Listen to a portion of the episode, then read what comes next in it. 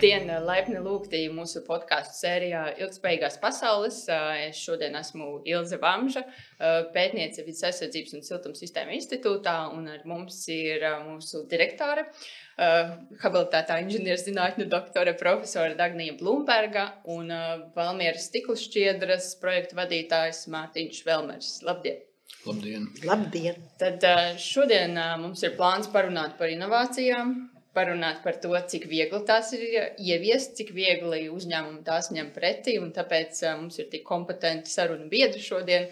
Un tad uh, mēs varētu sākt vispār ar to, lai mēs tā nolīmeņojamies, kas vispār ir inovācijas. Tad profesori varētu paturpināt uz to, kas tas no akadēmijas viedokļa ir inovācijas. Es negribēju no akadēmiskā viedokļa. Es gribēju pateikt tikai to, ka inovācijas tas ir kaut kas jauns, kas ir tapis radošā procesā un ko ir iespējams eh, realizēt dzīvē, protams, ieliekot ļoti daudz enerģijas. Mārtiņ.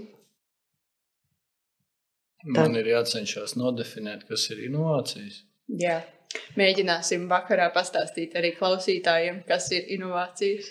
Nu, kā profesors teica, kaut kas jauns un no uzņēmēja darbības viedokļa tātad riskants. Pirmām kārtām tas ir risks, un šie riski tad ir arī jāvērtē no uzņēmējdarbības viedokļa.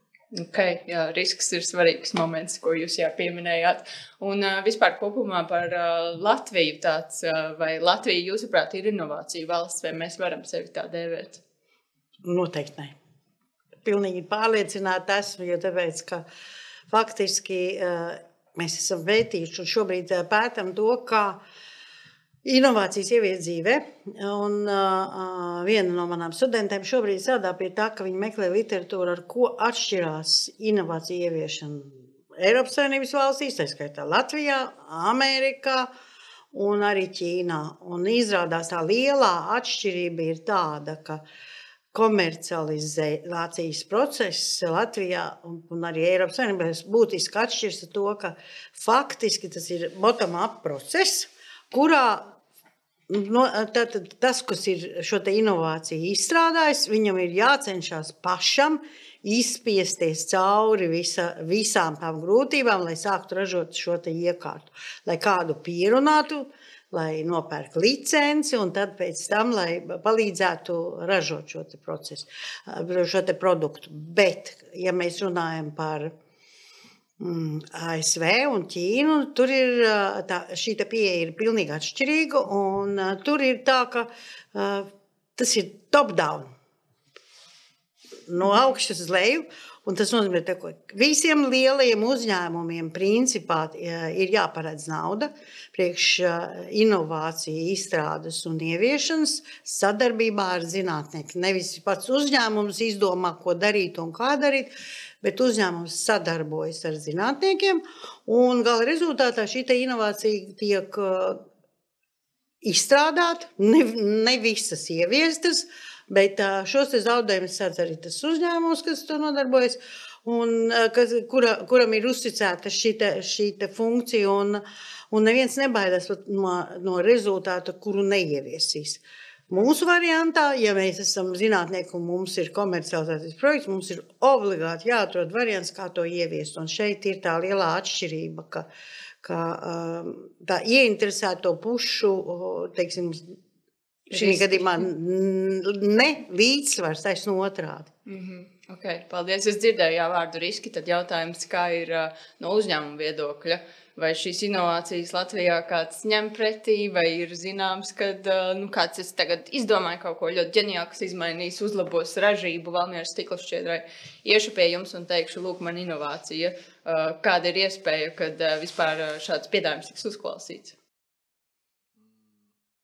Iespēja, ka tiks uzklausīts, ir nu, gandrīz simtprocentīgi. Jūs esat jauni un skaisti, un jums, jūs noteikti uzklausīs.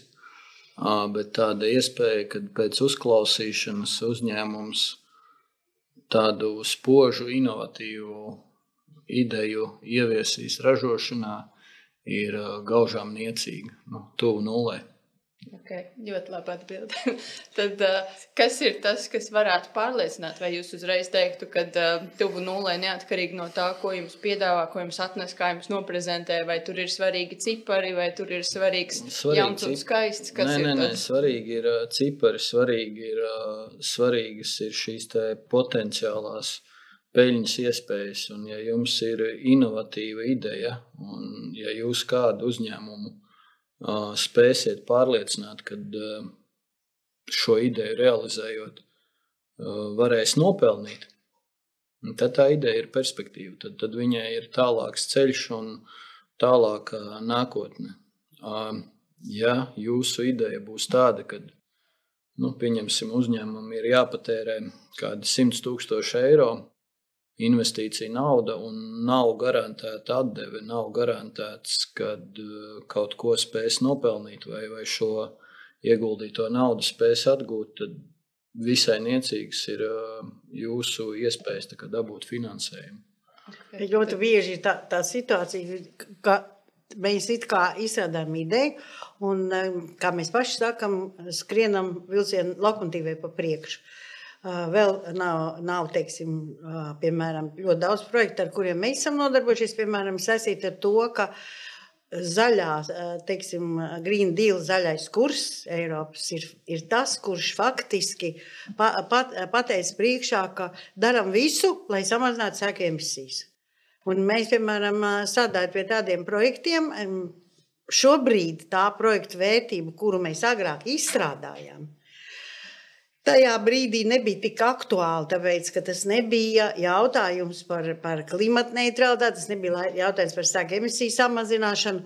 Un tad atnāca šis variants ar, ar to, ka mēs sākam rēķināt, kādas ir CO2 emisijas, varbūt mēs produktā viņas varam uzglabāt. Un tad šī brīdī uzreiz jau ekonomika parāda citu bildi. Bet mēs bijām ieguldījuši laiku, mēs, mēs sapratām, ka, mēs, ka tas ir kaut kas ļoti labs un, un kur varētu ieviest. Bet gala rezultātā sanāca, ka mēs bijām aizskrējušies laikam pa priekšu un tajā brīdī neviens, cik maksā CO2 Kvotas jau jūs šobrīd uh, zinat ļoti labi. Tajā uh, CO2 kvotas, uh, teiksim, piecus gadus at, atpakaļ maksāja vienu piecus, nu, maksimāli 10 eiro par tonu. Šobrīd tas ir tieši 100 eiro par tonu.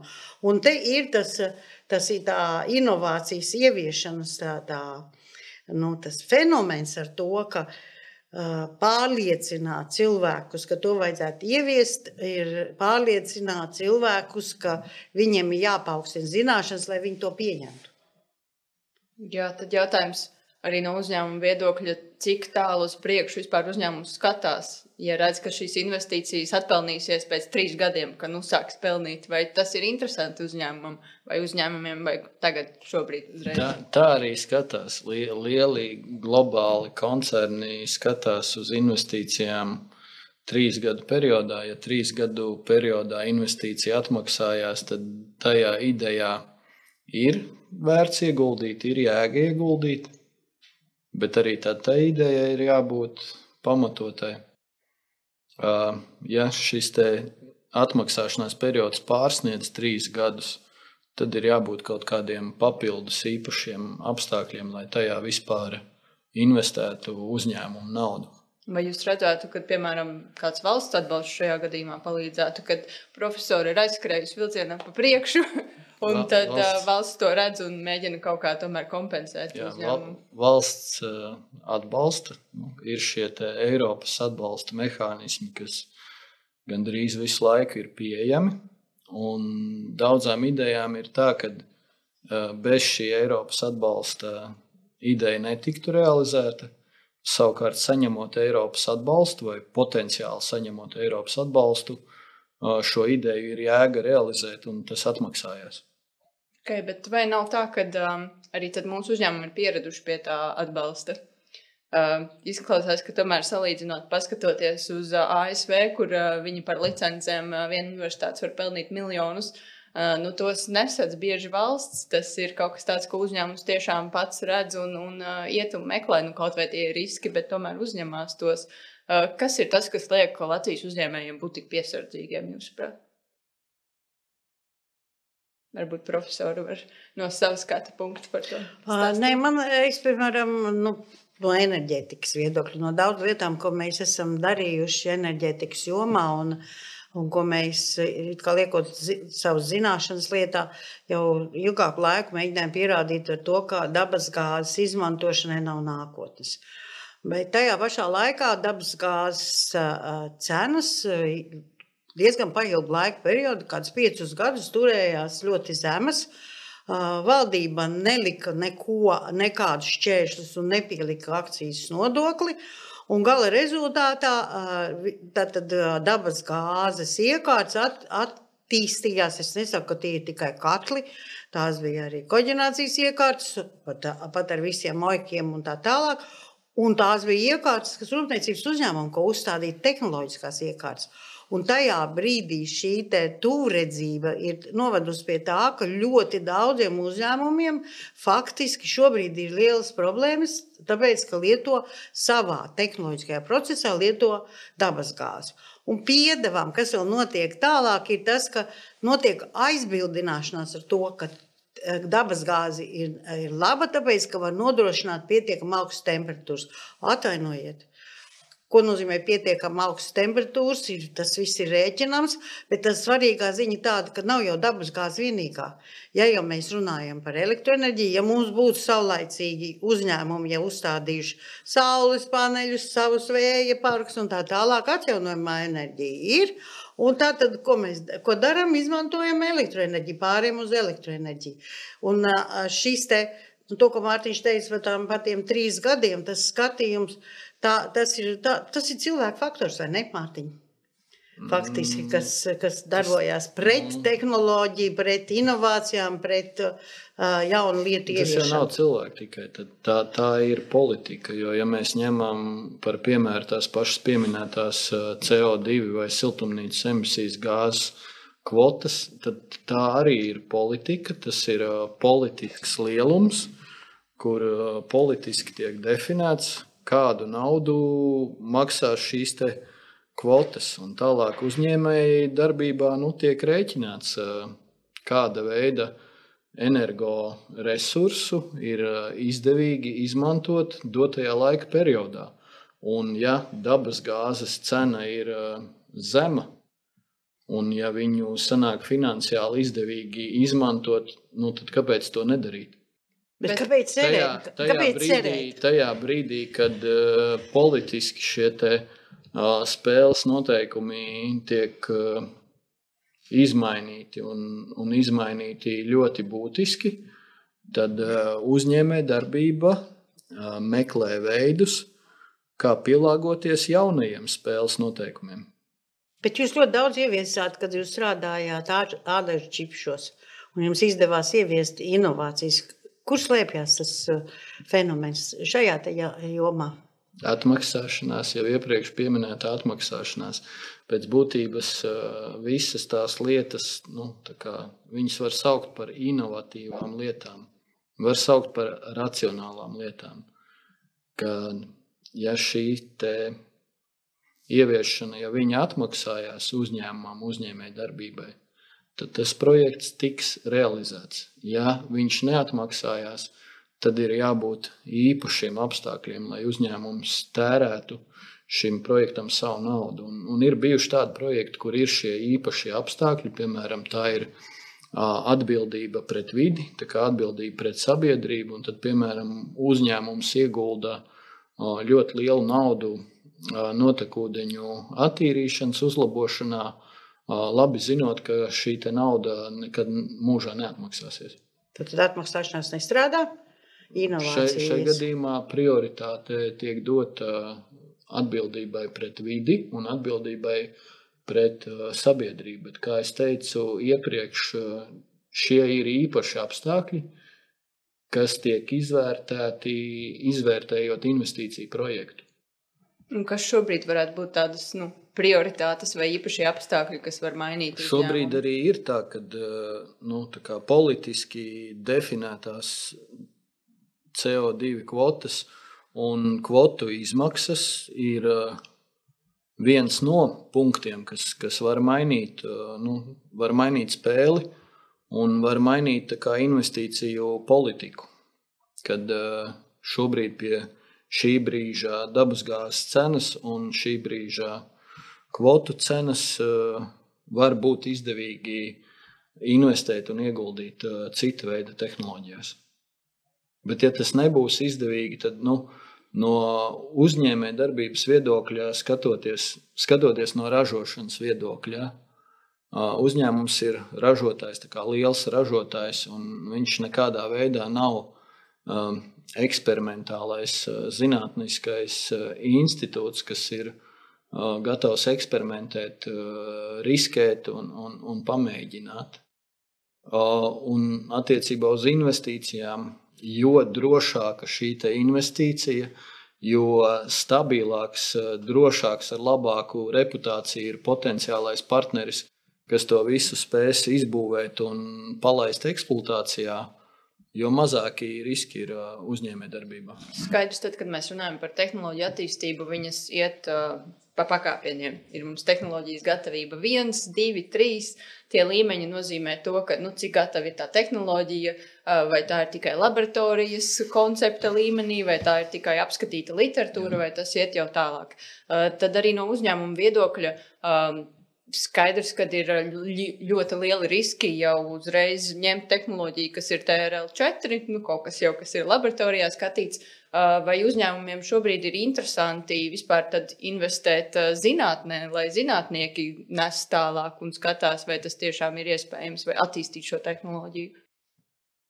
Kad tur ir iespēja, kad Tad, kad sasniegsim šo līmeni septiņi, kad, nu, tad tas tomēr varbūt nebūs tik izdevīgi. Bet ir iespējams, ka tas mums tieši nesīs kaut kādu papildus nu, labumu. Nu, redz, te, te, te, tā saruna vairāk ir par uh, mērogu, kad uh, vieglāk ir eksperimentēt uh, mazākā mērogā universitātes vai zinātniskā institūtā apstākļos. Un tad, kad tur ir ielikās veiksmīgs eksperiments un ka tā tehnoloģija ir atstrādāta līdz tādam līmenim, lai viņu vispār var ieviest vai mēģināt ieviest ražošanā. Nu, tad, tad ir īstais brīdis, jo ja students prezentēs savu spožo diplomu darbu kādam lielam uzņēmumam, tad varbūtība, ka nu, viņa spožā diplomu darbā idejas tiks realizētas liela apjoma ražotnē ir niecīga, lai neteiktu, ka nulle. Okay, bet uh, studenti arī, protams, strādā jā, pie, pie zinātnes un inovācijām, bet arī ir um, tomēr personāls, kas ir jau pētnieki, zinātnieki un strādā pie inovācijām. Un jautājums profesorai, uh, Cik bieži nāk uzņēmēji pie, pie, pie zinātniekiem un jautā pēc uh, inovācijām, pēc palīdzības, uh, kad viņiem ir problēma un viņi redz, ka tomēr meklē akadēmijā jā, šo risinājumu? À, man liekas, ka tas viss ir tāds tā kā sinusoīda, augšā lejā. Tad, tad, ir, tad, tad ierodas ļoti daudz, un visiem vajadzīga palīdzība. Tad pēc tam atkal ir klusuma periods. Uh, Un, un tad pēc kaut kāda laika arī faktiski atkal viss atjaunojas no jauna. Un kāpēc tas tā ir? Tas ir tāpēc, ka no pirmā, pirmais, pirmā atbilde ir, ka tas ir ekonomiskā atmaksāšanas, tas atmaksāšanas periods. Un tajā brīdī, kad kurināmā, piemēram, 2008. gadā, kad bija cenas bija augšā un krīze ir, Tajā brīdī eh, par izdzīvošanu cīnījās uzņēmumi, un viņiem bija nepieciešama šī palīdzība. Tiklīdz eh, tā tad ir jau uzņēmums atkal uz zaļa zara, neviens neatcerās to, ka vajadzētu visu laiku nepārtraukt domāt par attīstību, un vajadzētu visu laiku nepārtraukt domāt par to, kā tagad, kā tā, teiksim, man ir pietiekami liela peļņa, daļu no peļņas novirzīt jau nākošo ideju izstrādē. Tagad atkal ir brīdis, kad par mums ir ļoti daudz interesējās un uzņēmumi interesējas, jo tagad atkal kārtējo reizi, tagad enerģētikas cenas ir, ir augšā. Tagad visiem ir skaidrs, ka dabasgāzes tomēr ir fosilais un ka CO2 emisijas tomēr no dabasgāzes, ka tas nav videi draudzīgs un klimatam draudzīgs kurināmais. Un šī brīdī, protams, parādās ar vien vairāk cilvēku, kuriem ir vajadzīga palīdzība, kā to izdarīt, kā mēs varētu izdzīvot. Un, un ir uzņēmumi, kas ir tuvu bankrota robežai, un viņi, nu, piemēram, Mēs tagad jau pirmdien atkal brauksim uz objektu un, un runāsim un skatīsimies. Un tā, mm, tā lielā problēma ir tā, ka uh, uzņēmumi saulaicīgi nedomā par to. Dzīvo līdz brīdim, kad Ah, tagad pirmās trauksmes signāls ir, ja sirēna ir ieslēgusies, tagad zem sirēnas skaņas mēs tagad mēģināsim saglabāt. Mums bija kāds pāris, ne, varbūt pat piecus gadus atpakaļ saruna ar kokapstrādes uzņēmējiem, kad mēs viņiem stāstījām, ka vajadzētu tomēr pamēģināt domāt par to, kā nākotnē kādu produktu varētu attīstīties un tā tālāk. Viņi mūs mierināja. Neuztraucieties, mēs esam stabilā situācijā. Mums peļņa ir noteikti pietiekami liela. Un noteikti tā, tās nav problēmas, kas mūs, kas mūs satrauc. Un tas ir, tas ir viens no jautājumiem, kur šobrīd ir Kokam strādātāji izmanto dabas gāzi savos tehnoloģiskajos procesos, granulu ražotnēs un tā tālāk. Un, un tā ir tā, tā lielā problēma, kas ir šī gadījumā, par kur jādomā. Tā ir tā. Tas ir tas faktiski tas svarīgais. Tā kā izklausās, ka mūsu uzņēmēji ragavas netaisa vasarā. Viņi tās taisa rudenī vai jau pašā ziemā, tad, kad jau redz, ka tūlīt būs sniegs un, un vairs nekur nevar likties. Jā, bet tad ne, kas notiek tālāk, notiek, kad iet pakaļ subsīdijām nu, pie valdības un lūdz subsidēt variantos, kad varbūt tas vajadzēja iepriekš padomājot, ne, nekādas subsīdijas nevajag, bet būtu straujā augšupēji. Pilnīgi noteikti izdevusies. Tā kā tas, tas ar to komercializāciju, ko mēs nodarbojāmies un ko mēs nodarbojamies, ļoti precīzi parāda to situāciju, ka, tā, ka tas, ko mēs mēģinām komercializēt, tas tiešām ir mm, produkts, kas ir nākotnes produkts, un, un šobrīd vēl joprojām neviens nedomā par putu polistirola nomaiņu un ka būtu nepieciešami dabiskie materiāli. Tieši tas pats ir tas, ko Mārtiņš saka. Jā, jā. lai gan atceramies, ka polistirols arī ir gatavots no fosiliem resursiem. Tas ir ne tikai dabai kaitīgs un videi, bet ir tiešām arī no, no fosiliem ražots.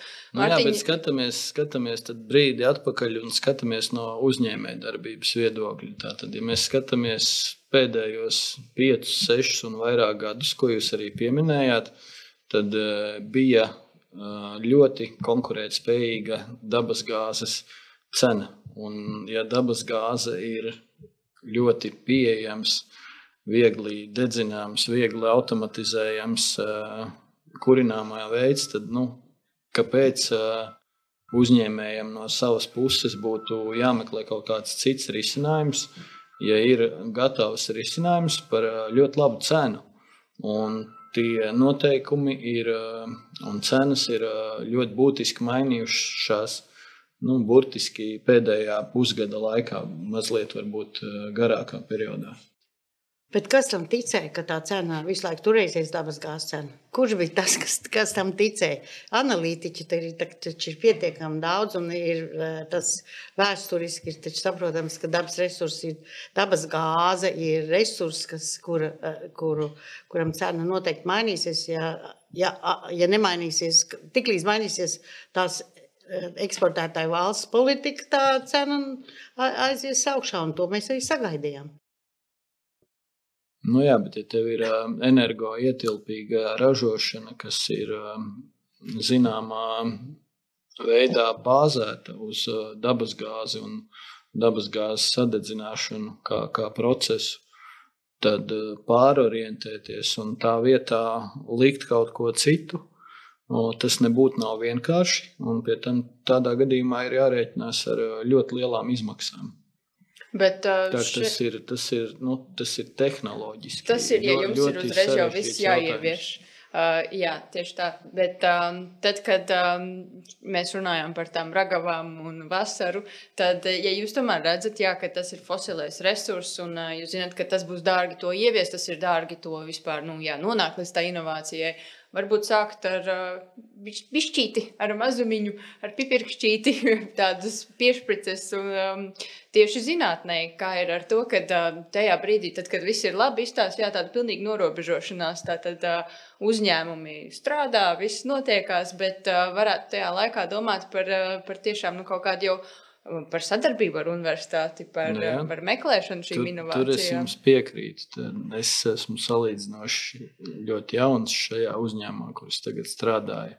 Un tad viens no pirmajiem darbiem arī man bija izveidot sadarbību ar universitāti. Jo tā ir mana personīga pārliecība, ka ar universitātēm ir jāsadarbojas un, un ir jādraudzējās tēlāini izsakoties ar universitātēm. Šis ir ļoti labs tāds secinājums. Mēs varētu arī beigt uz šīs burvīgās nots. Un patiesībā arī universitātēm noteikti ir jāsadarbojas ar uzņēmumiem. Un, Es jau kā, kā darbinieks, kas strādā pie profesoras Dagnijas Blūmbergas, zinu, ka arī viņi sadarbojās ar, ar ministrijām, un arī viņiem ir jāstāsta par to, kur zinātne var aizvest un kā, kāda var būt tā nākotne. Tā kā milzīgs paldies! Tad, um, Paldies sarunu biedriem Mārķiem Velderim un profesorai Dagnijai Blūmbergai. Paldies, Paldies. visu labu, līdz nākamajai reizei!